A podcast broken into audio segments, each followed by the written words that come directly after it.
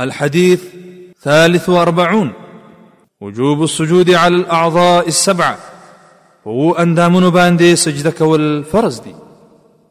عن عبد الله بن عباس رضي الله عنهما قال قال النبي صلى الله عليه وسلم أمرت أن أسجد على سبعة أعظم على الجبهة وأشار بيده على أنفه واليدين والركبتين وأطراف القدمين. ولا نكفت الثياب والشعر.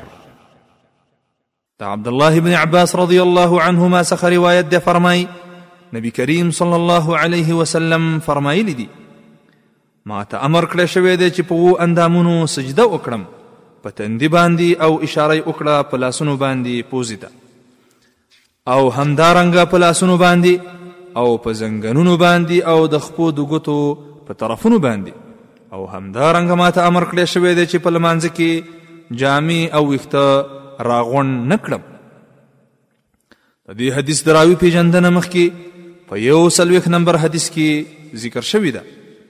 من فوائد هذا الحديث د دې حدیث د فواید څخه. اول دا حدیث لارښوونه کوي چې په اندامونو باندې سجده کول فرض دي.